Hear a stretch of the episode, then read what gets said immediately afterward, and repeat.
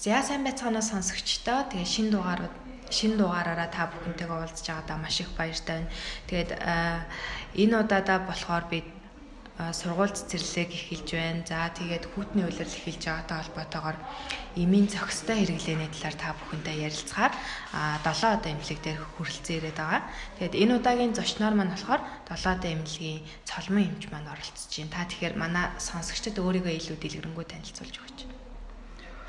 За намайг цолмон гэдэг 1988 онд тэр үеийн Зөвлөлбат ус гэж байсан Ленинград хотын хүүхдийн эмчилгээний дээд сургуулийн хүүхдийн эмчийн мэрэгчлэр төгсөөд одоо мэрэгчлэрээ 30 гаруй жил ажиллаж байна.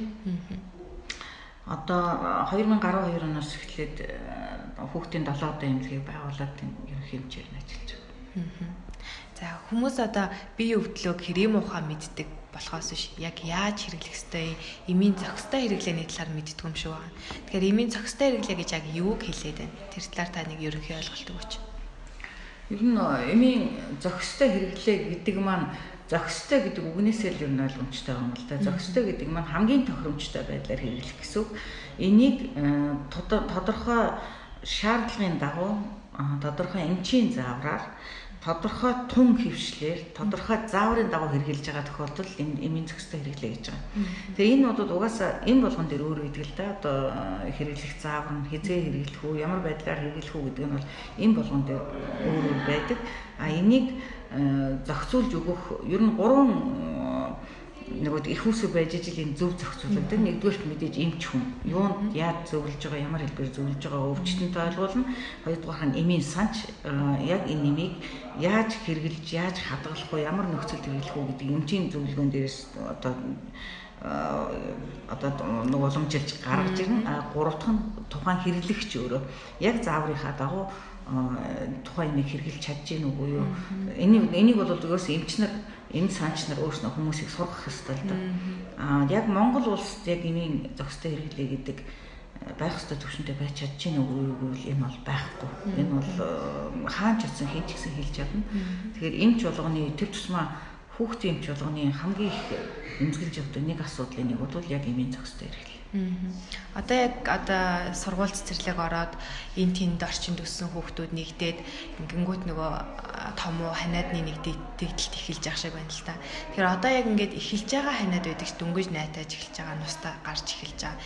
Тим ханиаданд эцэг их маань дорхноо нөгөө хатгаа болчин гэж яагаад хүчтэй имээр шууд ингээ бөмбөгдөх гээд идэг те.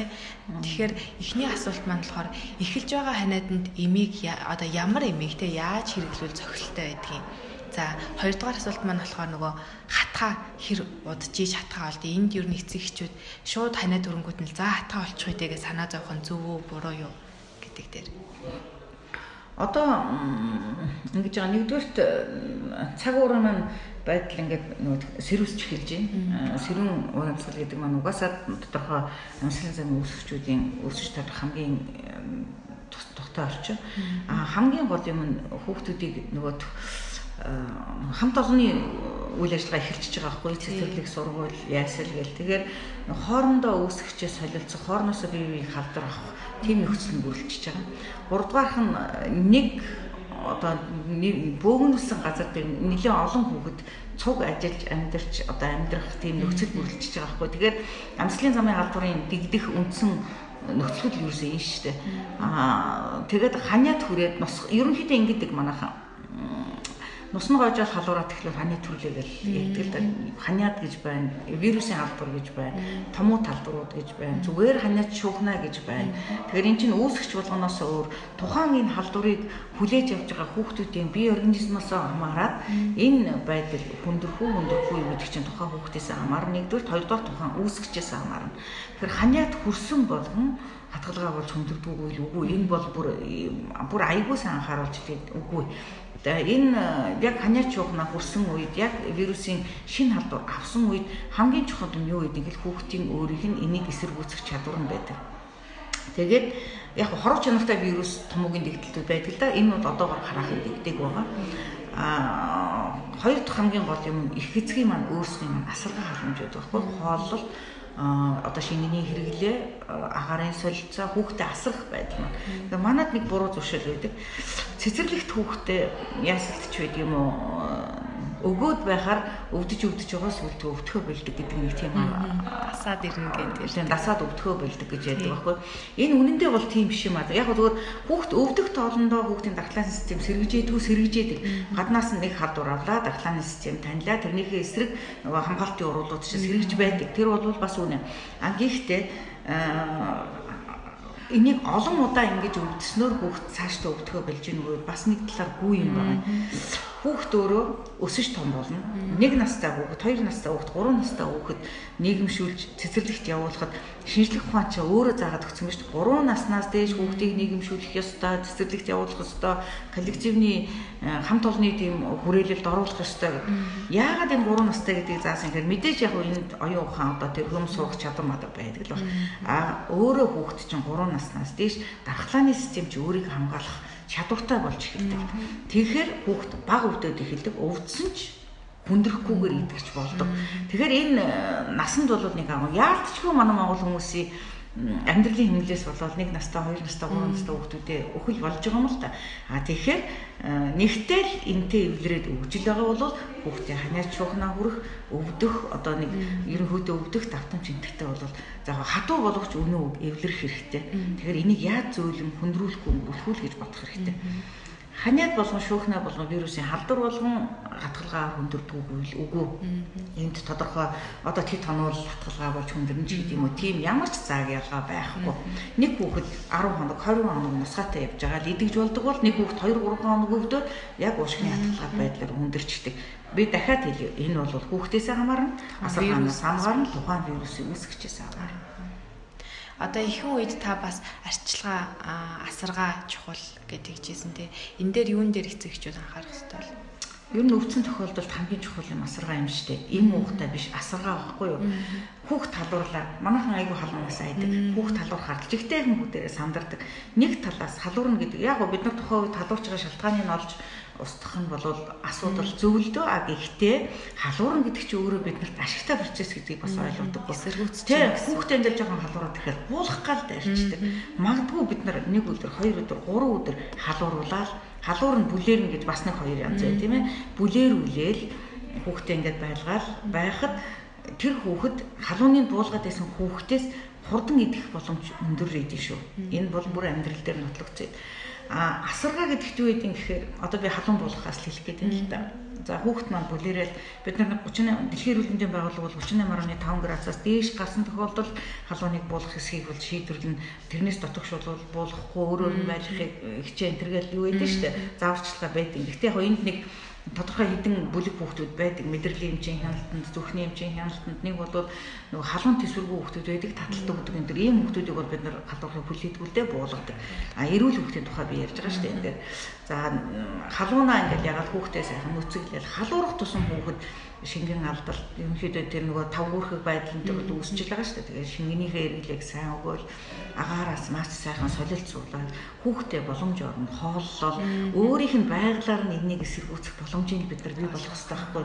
Тэгэхгүй эмийн нөгөө цэцэрлэгт нөгөөлийнх нь бол танаа хөлт хүндрэх нь тодорхой. Тэгэхээр хүүхд чинь халуураад өвдсөн бол ямар л арга чарга байна яг гэртээ байлгаад хүүхдээ асрах хэрэгтэй. Асаргаа гэдэгт бол зөвхөн л хоол идэх биш байхгүй юу? Шингэний хэрэглээ, халуунаа буулгах, аргачлал зөндөл юм биш үү? Аа. Имийг одоо яг цаг тунгийн бичээд өгчдөг. Гэтэл хүмүүс ингээд мартчихлаа, хэтрүүлчлээ ч гэдэг юм уу, тиймэрхүү юм яриад байдаг штэ. Тэгэхээр одоо энэ цаг тун гэдэг маань өөрөө одоо тэр өвчнийг ангаахад ямар нөлөө үзүүлж идэг юм бол яагаад энийг заавал барих ёстой байгаад байна? За энийг нэгдүгürt нэгдүгürt эм чинь хоёрдугаар хамгийн гол юм эм зүвч нар эмийн санч нар аюусаа ойлгуулж өгөх хэрэгтэй тухайн хүмүүстэй. Манай нөгөө нэг онцлог байдаг л да. Зүгээр нэг э, рецепт бичээл энийг өдрийн 3 болгоорой гэдэг нэг шидэх нэг өөр. Аа за энэ хүүхдийн чинь энэ нэмийг бид нар ийм зорилгоор өгж байгаа.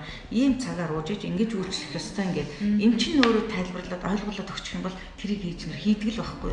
Хүүхдээ өвтгөхөд эмч зориод ирж байгаа хүн тэрний чинь зааварчлагыг дагж л таарна тийм ээ. Тэгэхээр нэг картон дээр нэг цаасан дээр юм биччихэл маа ингээд дуулгаараа гээд явуулчих нэг өөр байх нь а энэ болгоноо тус тус нь тайлбарлаад өгөх бас нэг өөр байх.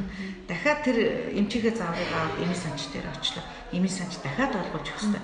Энэ нэмийг тэдэн цагийн зайтай уудаг, хоолны өмнө уудаг, хоолны хойно уудаг, энэ болгон олгомж өөр өөр онцлогтой.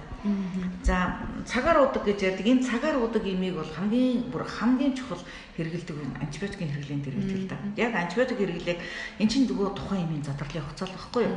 Одоо тэр магадгүй өдөрт нэг удаа бүр одоо бүр антибиотикууд чинь бүр 24 цагт нэг удаа хийж болдог болчиход байна шүү дээ. 12 цагаар 6 цагаар 8 цагаар гэл ингээд хийдэг. Энэ болгон чинь тэр чинь зүгээр хийх гэж тэгээд байгаа юм шиг ч угаасаа цаанаас энэнийхэн заалттай. Тухайн энэ процесс биеинд ороод задарч хугацаанд ямар хугацааны дараа идэхгүй болоод гард юм бэ гэсэн хугацаа байхгүй. Тэгэхээр дахиад идэвхжүүлж юм тийм цагаад байна. Эмч чинь өөрөө 6 цагаар гэж хэрэгэлсэн бол та нар 6 цагаар хэрэглэх ёстой. Яг тэгэхээр 6 цагаар гэсэн имийн чи 10 цагийн дараа уулгах юм бол нэмэргүй байх нь шүү дээ. 6 цаг юм чинь одоо надад болчихсон. Тий. Тэгэхээр одоо хар ухаанаар ярих юм бол антибиотик чи орол юм уу бактери чинь дараал муужруулаад явж итэл дараа чинь тун орж ирэхгүй бол тэр чинь хүчин өгсөн нь үстэй. Тэрнтэй л яг адилхан эмийн цаг заадаг чи яг юм учиртай. Ерөнхийдөө цаг заадаг бол ихэвчлэн антибиотикийн дээр яригддаг.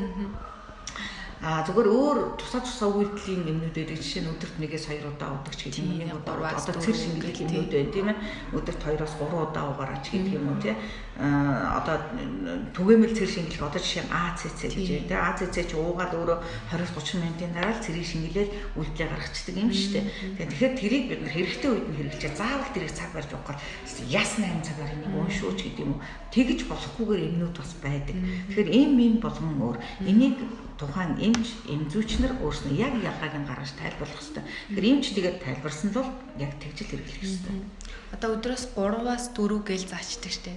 Тэнгүүт одоо нөгөө цагтаа хуваагаал хүмүүс чинь яг за тэдэн цагийн дараа нэг нөгөө ингээд тэр нь одоо ер нь бол зөвдөө одоо 3-аас 4 антибиотик болгон одоо энэ болгон бас заримдаа 2-оос 4 удаа хэрглэж болно ч гэдэг юм уу бас тийм тусгай интервалуудтай байдаг. Жишээ нь бид нар ингээд хүүхдийн хоолоо ингээд идэлээл өвтөхөд бид нар одоо ам оксиклав гэж уудаг шүү дээ. Тэр ими чинь 6 цагаас 12 цагуудад хэрглэж болдог юм. Бид нар яг вирусыг биш бактерийнхаа идэвхтэй үед хүүхдийн өндөр халуурч байгаа идэмэдэ яц үед бид нар 6 цагаар хэрглэж хагаад айжамтаа тухайн багсаад ирэхээр цагийг холдуулаад хэргэлдэг. Бас нэг чинь тийм тактикуд байдаг байхгүй. Тэгэхээр эмчийн заавраар л имээ бодвол хэрэглэх ёстой. Тэгэхээр одоо яг эмийн дуусах хугацааны талаар бас та ярьж өгөөч. Гэртээ хүмүүс ингээл хадгалж хадгалж байгаа л за дахиад нэг өвдөнгөт нөгөө өмнөх авцсан юм ингээл өгөөл гэдэг те. Хугацаагаа хардггүй, тоодоггүй. Хүүхдийн энэ бол хүүхдээр аяг өгөх юм лээ. Хүүхдийн хүүхдийн эмч нар би жишээ нь одоо үйлчлүүлж байгаа хүмүүсээ үзэхдээ одоо ингээд цуглагц амар том аптечктай болцсон хүмүүс байдаг байхгүй бүр эмийн сантай болцсон. Тэгэхээр би хэлдэг байхгүй. За эмийн сангаа нэг аваад ирэж хэдүүлээ нэг ялгал салгыг хаяхын хаяа үлдээх нь үлдээ гэж би авчруулдаг байхгүй. Тэрнтэй яг л адилхан. Ер нь эмийн сан виртуал эмийн сан байх хэвээр яралдаа тусламж одоо янз гарын дор өөрснөөхөө нөгөө нэг эмчийн заавар хэрэгжилж болдог бас юмнууд байдаг шүү дээ.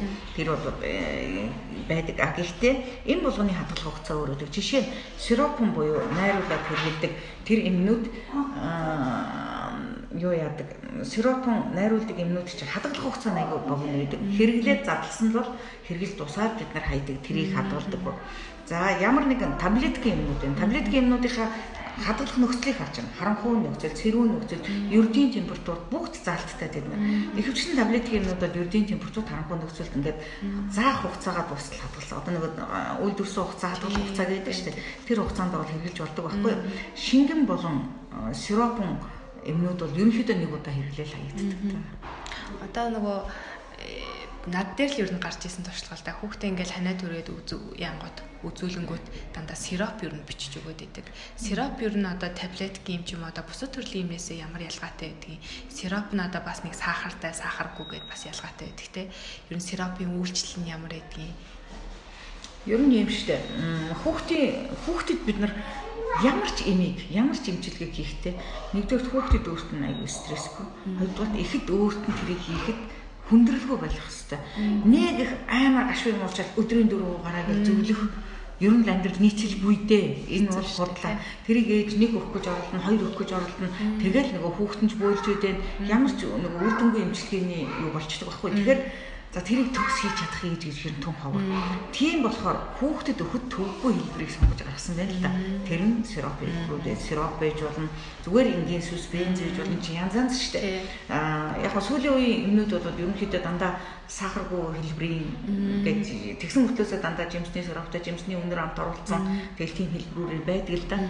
Тэгэхээр одоо жишээ нь хүүхд маань өөрөө одоо ямар тодорхой нэгэн жимс ч юм ямар нэг юмд аюу өндөр харшилтай одоо манайхан диатез гэж ярьдаг. Тиймэрхүү тохиолдолд бол бид нэр сонголт жоохон тийм юу. Тэгэхээр энийг бол эмч өөрөө сонгоно. За манай хүүхд тийм шүү дээ. Тэгэхээр би энэ юг өгч болохгүй юм байна. Тэр чинь эмч чи өөрөө мэдж байгаа шүү дээ хүүхдээ. Тэгэхээр бид хоёр энэ юмыг сонгоход юм байна. Тэгвэл одоо яах вэ? Өөр хэлбэрээр таблеткаар ч байд юм уу тунд нь тохирсон. Хүүхдийн эмчнэрийн чинь бас нэг онцлог бид нар дандаа килограммжинд нь насанд нь дандаа эмийг бодож өгдөг шүү дээ хэрвээ анзаардаг бол тийм ээ. Тэгэхээр энийг тохируулахад яг сүсвэнц уус мулан сироп хэлбэрүүд өгөхөд л төвгүй. Тийм л. Тэрнээс бол үйлчлэлийн хувьд бол ялгаа. Туршлан чиглэлд орж байгаа, антибиотикын чиглэлд орж байгаа. Аа тэгээд би зүгээр яг залуу эмч нар, залуу ээж нар юунда би тэг зөвлөдیں۔ Та нар хүүхдэд энэ бичгээс өмнө заавал өөрснөө амсчихжээ. Одоо зүгээр амсаа уу гээгүй шүү дээ. Амсаад үзчихээ. Бичиж байгаа юм ээ тийм ээ. Чи өөрөө бүр амд чин гашуу оргол уухад амар төвхтэй юмыг чинь хитгэн сартаа хөвгөд өгөх гээд оролдол доо. Тэ тэр ер нь юм болох уу сүлд нь хор болох уу тэр бас асуудалтай. Магадгүй бүр хүндэрсэн тохиолдолд им өгөх гэж ноцолж явахаар тариагаа хийгээл айгүй урд мандаачихын ч байд юм. Тэгэхээр энэ юм чимчийн сонгол тухайн хүүхд хүүхдийн гарч ирж байгаа кейсээс л хамаарч. Имийн дасал гэж бас ярьдаг штеп энийг имээ ингээл уусаар агаал тасал болчтой гэд. Ер нь одоо тасал болох хугацаа нь хэр урт байдаг юм бол яаж ер нь одоо би тасал болоод тэр имийн үйлчлэгээ болчихад байна. Имийн тасал гэдэг чинь өөр айгүй айгүй хэцүү асуудал шүү дээ. Манайхан бас ингэж ярьдаг. Бид манай хүүхд ингээ ханы төрхээрээ л айгүй түгээмэл энэ юу гэсэн хэрэг энэ чиднэрийн л өөрсний муугийнх л да. Ер нь бол энэ нөгөө эмнэлгийн нөгөө ёстой эмийн зохистой хэрэглэн их боловсруулыг ард түмэнд ойлгохгүй шүү. Ойлгуулахгүй шүү бид нар. Одоо ингээд бодоход ер нь эмийг ингэж хэрэгэлдэг шүү, ингэж яадаг шүү гэдэг сургалтч байд юм уу? Ямар нэгэн хичээлч байд юм уу? Ямар нэгэн тийм зааж байгаа юм би бараг мэдэхгүй байна ер нь байдаггүй. Энийг одоо ч залуучууд аягүй боловсралтай болсон. Бид нараас илүү боловсралтай судлаад уншиж байгаа бүгдийг. Тэгэхээр бид нар зөвхөн мэрэгжлийн үүднээс энийг зөвхөн чиглүүлжлэх хэрэгтэй. Ингэж ярьдаг байхгүй. За манай хүүхдэд ханыг төрөх тулд зөвхөн амтцлын угаал дийдэг өөр юу ч хийдэгдэггүй гэж. Гэхдээ энэ үгүй байхгүй хизээж тийм юм байхгүй. Тухайн үсгч болгон өөр би дахиад хэллээ. Хүүхэд хоолоо идээлээд үсгэд бид нар стрептокок гэдэг юмар хөвчлэн 89 рүү үз. Стрептокок өөрөө юунд бидний амбицлын л мэдрэг. Ерөнхийдөө түгээмэл нь амбицлын пенициллин бүр заа тэрэнд мэдрэг бактери.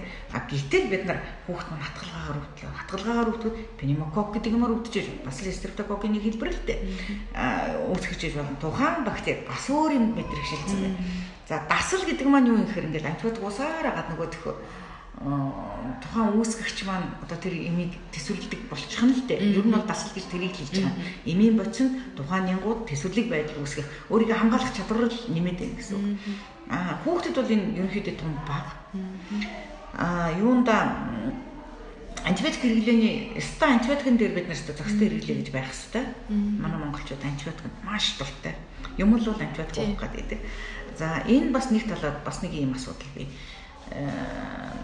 Европын орнууд ч гэдэм өндөр хүчтэй орнууд бол антибиотикгүйгээр ингээл 10 хоног 14 хоног хүүхдээ ингээл үдээлэдэг үдээлэдэг байлгаал гэдэг антибиотик уулахгүй ажиглаад байдаг. Манай газар нутгийн онцлог бас өөр шүү. Цаг өөрийн онцлог өөр шүү. Манай ахуй амьдрал бас өөр шүү.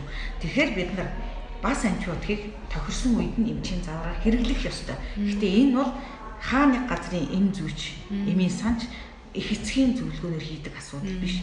Антибиотик зөвхөн эмч танарт сонгож явах ёстой. Тэгэхээр бид нар тесвэрлэгийн байдалд одоо э, тэр байдлын тухай бид нар ярихгүй байх болно л доо. Тэгэхээр антибиотик юм шиг өрөөсөө идэж болохгүй. Энэ бол өстой аюу тум асуудал шүү дээ. Тийм хүчтэй одоо антибиотик биш хүмүүс чинь юу яадаг штэ зарим өвчин намдаах за өөр дарах гэх нэг эмнүүдийг бол ингээд дураараа хэрэглээд сурцсан байдаг те тэрний одоо хор уршиг гэж юу байдаг юм бэ байлгүй байх. Ер нь бол халуун буулгах өвчин намдаах эмнүүд чинь дандаа илэг халгаатай эмнүүд байдаг тунш тэгээд парацетамол өндөр туншил, хордлогын байдал гарахад хамгийн түр юу гэмтдэггүй? Элэг гэмтдэг, тарих гэмтдэг, эбуграфен ялгаагүй, нэмэслийг ялгаагүй. Бүгдээрээ дандаа элэг халгаа, тарих халгаа ерөнхийдөө хүүхдүүдийн а тэгвэл энийг айгаад бид нэр хэрэглэхгүй биш байхгүй юу? Хэрэглэх заал гараад яалч хүүхд 39 хүртэл халуураад байна. Бид нэр хэрэгжилж л таа. Тэгэхээр халууны чинь буулгахад бас тактик байна. Эмийнч байна, эмийн бус арч байна. За эмээ уудаг бол ямар тунгаар хизээ яаж уух вэ? Эмчнэр ялангуяа хүүхдийн эмчнэр энийг бид нар дандаа бодож өгдөг. За хүүхд маань тэд хүртэл халуураад ирэх юм бол тэдэн килограмм жингээр ингээд бодоод яг ийм хэмжээгээр өгөх юм шүү. Тэгэд аягүй сайн зөвлөж өгөх хэрэгтэй байхгүй. Тэгэхгүй өстө 39 хүрчлээ халууны болгочтой 2 цагийн дараа дахиад 38.5 байлаа. Дахиад юм бас тийм байж болохгүй. Ер нь халууны тухай бол бас бид нар ашигтай тал сөрөг талын дандаа дэнсэлж явах хэрэгтэй. Аа за бид нар жишээ нь 39 хүртэл халуунтай хөхтэй халуун болох имээ тунд нь бодоол өгчлөө. Цаг гарны дараа дахиад үзэхэд хүүхд маань 38.5 38 болсон байд юусоо битээ үзгэлээл дахиад ажиглал хүүхдийн маань халуун доошо хөдөлж штэ. Жинхэнэ энгийн халуунд хүрэхтэл ерөөсө халуунтай ноцолдож хэрэггүй. Би тэгтээ хэлсэн шүү татдаг болон ямар нэгэн мэдрэлийн эмчийн хяналтанд байдаггүй л бол. Тэгэхээр халууныг бол бид нар сайхан хөөрхөн нүцгэлээ шингийн юм сайн болгоод байл да. Бүлийн юм болгоод залхиулуудад хахад өөрөө тэр чинь халуунаар бид нар аяг шингээ алддаг. Гэх мэтлэн ингээд аа тэгээд эмийн туншил гэдэг юм бол туншил болон хэлбэр бол энэ одоо бас айгүй ээж нь аав нь аюух тийм сургалт өгөх ёстой бас нэг юу. Тэгэхээр энийг бол эмнэлгийн байгууллагууд юм уу ямар нэг өрх дүүргийн эмчнэр ч байд юм уу эсвэл зүгээр хүүхдийн эмч эм зөвшнөр хамтраад ерөнхийдөө бүр хүмүүсийн чихэндэн сонстол одоо ястай юм шиг нэвтрүүлэгч байд юм уу хийх ёстой гэхдээ. Аа энэ хүмүүсийн бүр одоо бүр тархиндан суудсан эмэнд их дурлцсан манах шиг ард түмнийг хэн болгох бас цаг хугацаа гарна. А гэхдээ э, бас энэ аюу тийм ялгаатай байх хэрэгтэй. За энэ уухгүй ингээд бас хүүхдээ хөндрүүлчих болохгүй би дахиад хэлье. Манай нөхцөл өөр шүү. Тэгээ Монголын цаг агаар Монголын ах үе нөхцөл, Монголын хүмүүсийн боловсрал одоо эмнэлгийн боловсрал бүгд өөр. Тэгэхээр Америк тэгдэг юм аа. Халуун булгаал байлаад байдаг. Антиот гууддаг юм аа Тэгэл ингээл байл а австрал тэгдэг, австрал тэгдэг. Гэхдээ тэднийг шууд Монголын өрсөн төр болгож болохгүй шүү дээ. Тэгэхээр энэ бол бидний өөрсний л онцлог байх хэрэгтэй. Бид нар тухайн хүүхд тухайн ард түмэн тухайн хүмүүжил одоо юу гэдэг эмийн хэрэглээ зохистой тэр бүх юм бид нар өөрснөө өрсөн дээрээ буулгаж энийг аюулгүй төвшөнд авчих хэрэгтэй. Түүнээс биш хүн болгоныг шууд антибиотикоос айцтай болгох, эмнээс айцтай болгоход гэж бас болохгүй. Хүүхэд ер нь эмийн хордлого болно гэж байх уу? Байлгүй байх уу байна шүү дээ. Одоо миний хэлэл байгаа туншил хэтрэлт. Хоёр янз бий. Эмэнд харших гэж нэг юм бий. Эмэнд харшил хөгжөөлийн хордлого биш. Энийг бас аягүй сайн ялгаж ойлгох хэрэгтэй. Манайхаа эмэндээ тухайн хүүхд ингээд эмэндээ харшлын урал өгдөг л дээ. Харшлын урал ч одоо бас хоёр янз тийм ээ. Жинхэнэ харшлын урал хуурамч харшлын урал гэж байдаг. Яг жинхэнэ харшлын урал бол маш аюултай үзэгдэл юм. Хуурамч харшлын урал бол тухайн үедээ тууралт өгөөд ингэж яагаад өсөх том болохоор тэр байдал мэдрэгшил байдал унтарчдаг. Хоёрдугаар нь яг жинхэнэ эмийн хордлого гэж байдаг. Энэ бол ихэвчлэн туншил хэтрэлт. Тэгэхээр энэ яаж илэрх вэ? Янз янз эм болгоноос янз янзаар илэрнэ. Одоо жишээ нь хамгийн наадлын түгээмэл хэрэглэг бидний парацетамол тийм ээ парацетамолыг яс бид нар яг өстой 24 цагта хид энэ чи бид нар хоногийн тунгаа гаргадаг шүү дээ. Хоногийн тунд хоногтой тэдэн миллиграммаас илүүгүй байвал одоо хоргүй тунж гэдэг юм. Нэг удаа тэгээ эний чинь хорлон бид нар нэг удаа маш өндөр тун өгч болно. Өндөр тунгаар хордуулсан байж болно. Нэг бол тэр тунгаа нөгөө нэг төрлийн имийг айгүй ойрхон ойрхон одоо энэ дээр би нөгөө халуун буруулах ярих гэдэг байхгүй.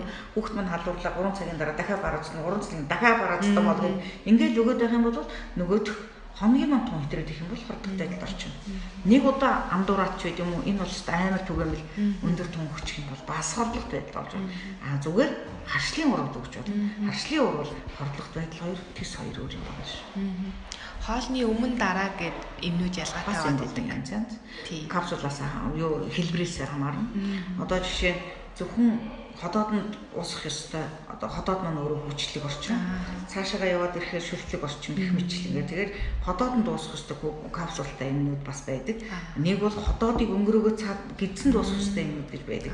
Тэгээс хамаарал бид нар энэ юм хоолны өмнө энэ юм хоолны дараа. Гэхдээ дийлэнх юм хоолны э, дараа ихэнх хүмүүс ер нь тоохгүй хайчдаг шүү дээ. Үгүй хоолны өмнө яг тэр имиж үйлчлэгээ тэрнээс хамаарах гэдэг байна. Тийм учраас яг хоолны өмнө дараа юу гэдэг э, дийлэнх бол заавал барьж явах хэрэгтэй. А энэ дээр бол эм болгон өөр.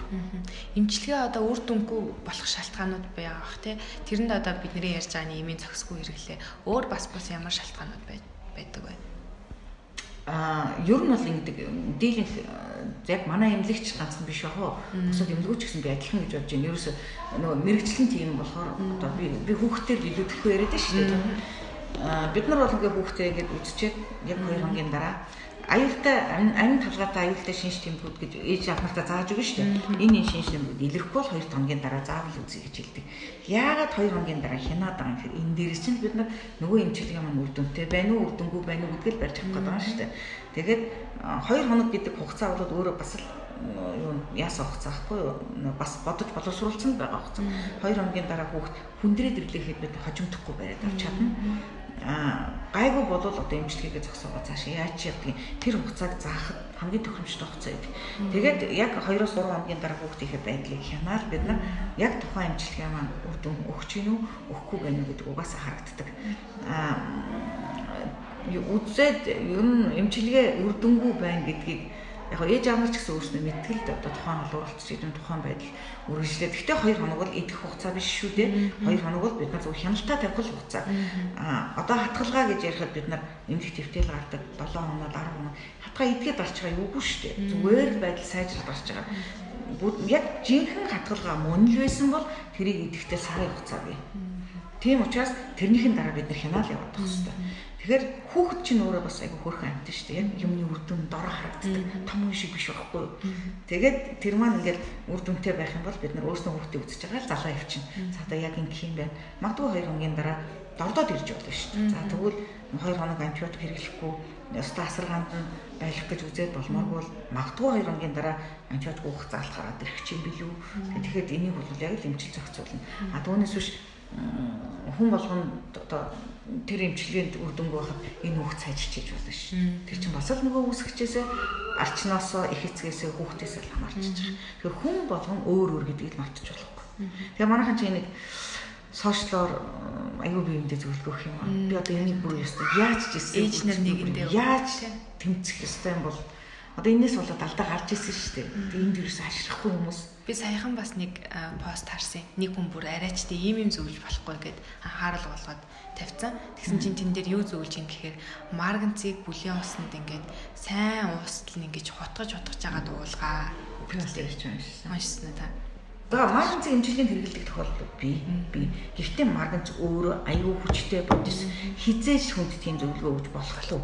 Тэр чинь өөрөө түлдэг калипер манганат гэдэг чинь өөрөө айгүй хүчтэй. Тэгэхээр кристалл нь ингээд арьсан руу орох юм бол бүр ингээд цааш идээд явдаг тийм бүтээгдэхүүн шүү дээ. Одоо тэрийг хуураагаар мэдснээс ууснаас нас уртан тохиолдол зөндөө шүү дээ. Тэгээ тийм юм бас ярьж болохгүй байхгүй. Тэгээ нэг сошиалор зөвлөгөө өгдөг байдлыг яагаад гэхээр хүүхэд болгон бие организм болгон том хүн ч байсан гэсэн өөрснөө индивидуум ерөөсөө дахин давтагдчихгүй бүтээгдэхүүн гэдэг чинь бид бүгдээрээ тэгэхээр нэг хүүхэд зөкстэй нөгөө хүүхэд зөксгүй байж болох учраас манай хүүхд тэгээд хэрэгцсэн чинь идэгцэн шүү. Гэхдээ магадгүй зүгээр яг ингээд тохиролцоолоор ингээд ижилхэн ижил явцтай ижил үүсгэжтэй байж байгаа итгэж болно л да тэрийг би бас үүсгэх ба. Гэхдээ тэгж эрсдлийг бас тэгж дагуулж болохгүй шүү. Тухайн хүүхд нь өөр хийж болно шүү. Үүсгэгч нь өөр хийж болно шүү. Тэгэхээр энийг бол эмчийн шийдэх хэрэгтэй асуудал. Тэгэхээр би яг сүүлийн асуултаа эмчийн зүгээс та таныг эцэг эхчүүдэд бас нэг хэлж өгөөсэй гэсэн үгнээс асууж байгаа. Тэгэхээр одоо сарцсангуу гайгүй нөгөө антибиотикийг эмчийн жороор зөвхөн олгоно гэдэг болцсон тий. Бас бас бус эмүүдийг бас ер нь л хүмүүс шууд доошоо одоо эмийн сан руу ороод өөрөө дур мэдээд авъя гэж авдаг болцсон. Энэний одоо хор хөнөөл дараа нь одоо гарах ужиг тийм одоо өвчин ч гэдэг юм уу те. Тиймэрхүү зүйл юу байдаг вэ? Энийг эм гэдэг нь шүү дээ. Зох ёстой зохистой хэрэглээтэй байгаад зөв тунгаар, зөв газар, зөв хүндээ хэрэгжилж байгаа бол энэ эм.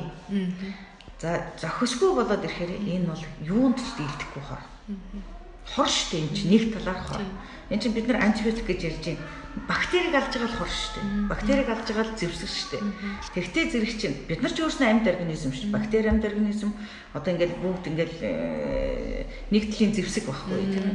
Тэгэхээр энэ болгоныг ямар ч зөвшөөрлгүйгээр тэгж хэрэглэнэ гэдэг одоо энэ эмийн зохисгүй хэрэглээ энэ э, антибиотикийн зохисгүй хэрэглээ магадгүй 20 30 жилийн дараа юун төрхийг бид нар харж мэдэхгүй байна. Ямар ч байсан л антибиотикийн зохисгүй хэрэглээ гэдэг болвол 20 30 жилийн дараа бол одоогоор хүүхэд маань бид нар яхтай өөрснөө байхгүй болчихно тийм ээ. Одоо өсөж байгаа хүүхэдтэй бид нар юу хэрэглүүлээд байгаагаа мэдэхгүй. Хичнээн жилийн дараа тэр маань юу болоод гараад ирэхийг бид нар мэдэхгүй байхгүй. Тэгэхээр энэнд бол тун болгоомжтой хандах ёстой.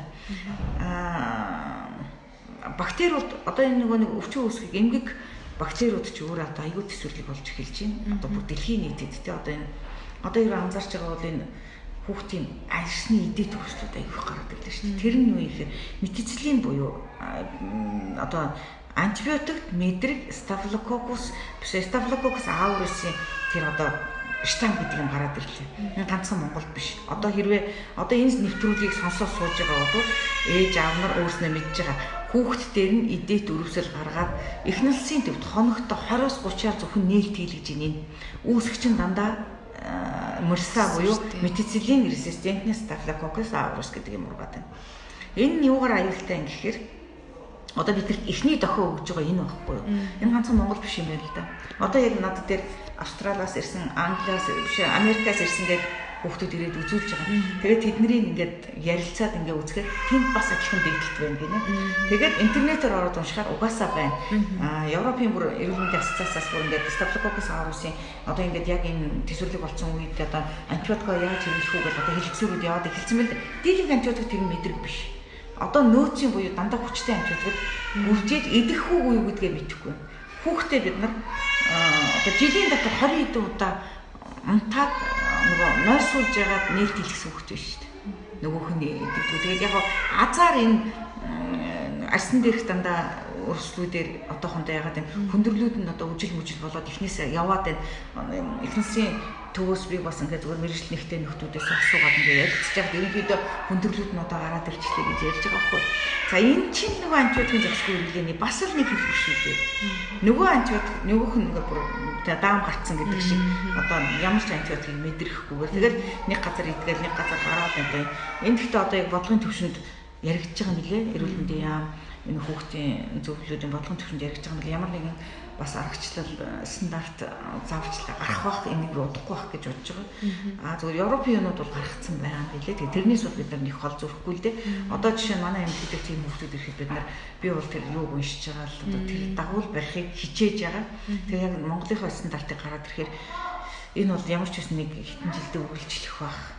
Одоо энэ одоо бүр хамгийн их хэмзэглүүлж байгаа юм бол одоо энэ байна. Тэгэхээр айгүй олон мэрэгжлийн хүмүүсээс асуувал авлаад одоо энийг яаж шийдэх ёстой вэ? Миний одоо үүсгэх чинь бол яг имийн зохисгүй хэрэглээ. За тэгэхээр энэ антибиотик бид нар одоо тэгэхээр одоо дөнгөж энэ бид нарт охио өгч эхэлж байгаа. Би нэр тэрийг явж байгаа хадуур явчлаа нөгөөр эмзэглсэн юм лугаа аа дохио өгч эхэлж байгаа. Дараачт нь бүр энэнд мэдрэхгүйгээр одоо дараад нь бүр ванкомици резистентний стафилококкус aureus гэж байна шүү дээ. Ванкомици резистентний. Хэрвээ ванкомици резистентний болоод ирэх юм бол за тэгээ бид нар одоо амгаах ухааны энэ төвшөнд бид нар яач чадахгүй. Нэг тийм байдал. Одоо эмерсэг ихнээсээ Европын төр бол гарч ирсэн л байгаа гэсэн. Тэгэхээр энэ байдал юу хэлэх гээд юм гэхээр эмийнхээ зохистой хэрэглээ хизээ яаж хэрэглэх үү энэ гэдэг дээр зөвхөн ээж аауд ч биш эмнэлгийн мэрэгчлэнүүд ч гэсэн ярилцаж тохиролцвол энийг бүр ингээд сургалт хийгээл тэгтих ёстой л байх л та. Энэ бол өстой аюу хэцүү асуудал шүү дээ. За танд маш их баярлалаа. Маш чухал хэрэгтэй сэдвэр цаг гаргаж ярилцсан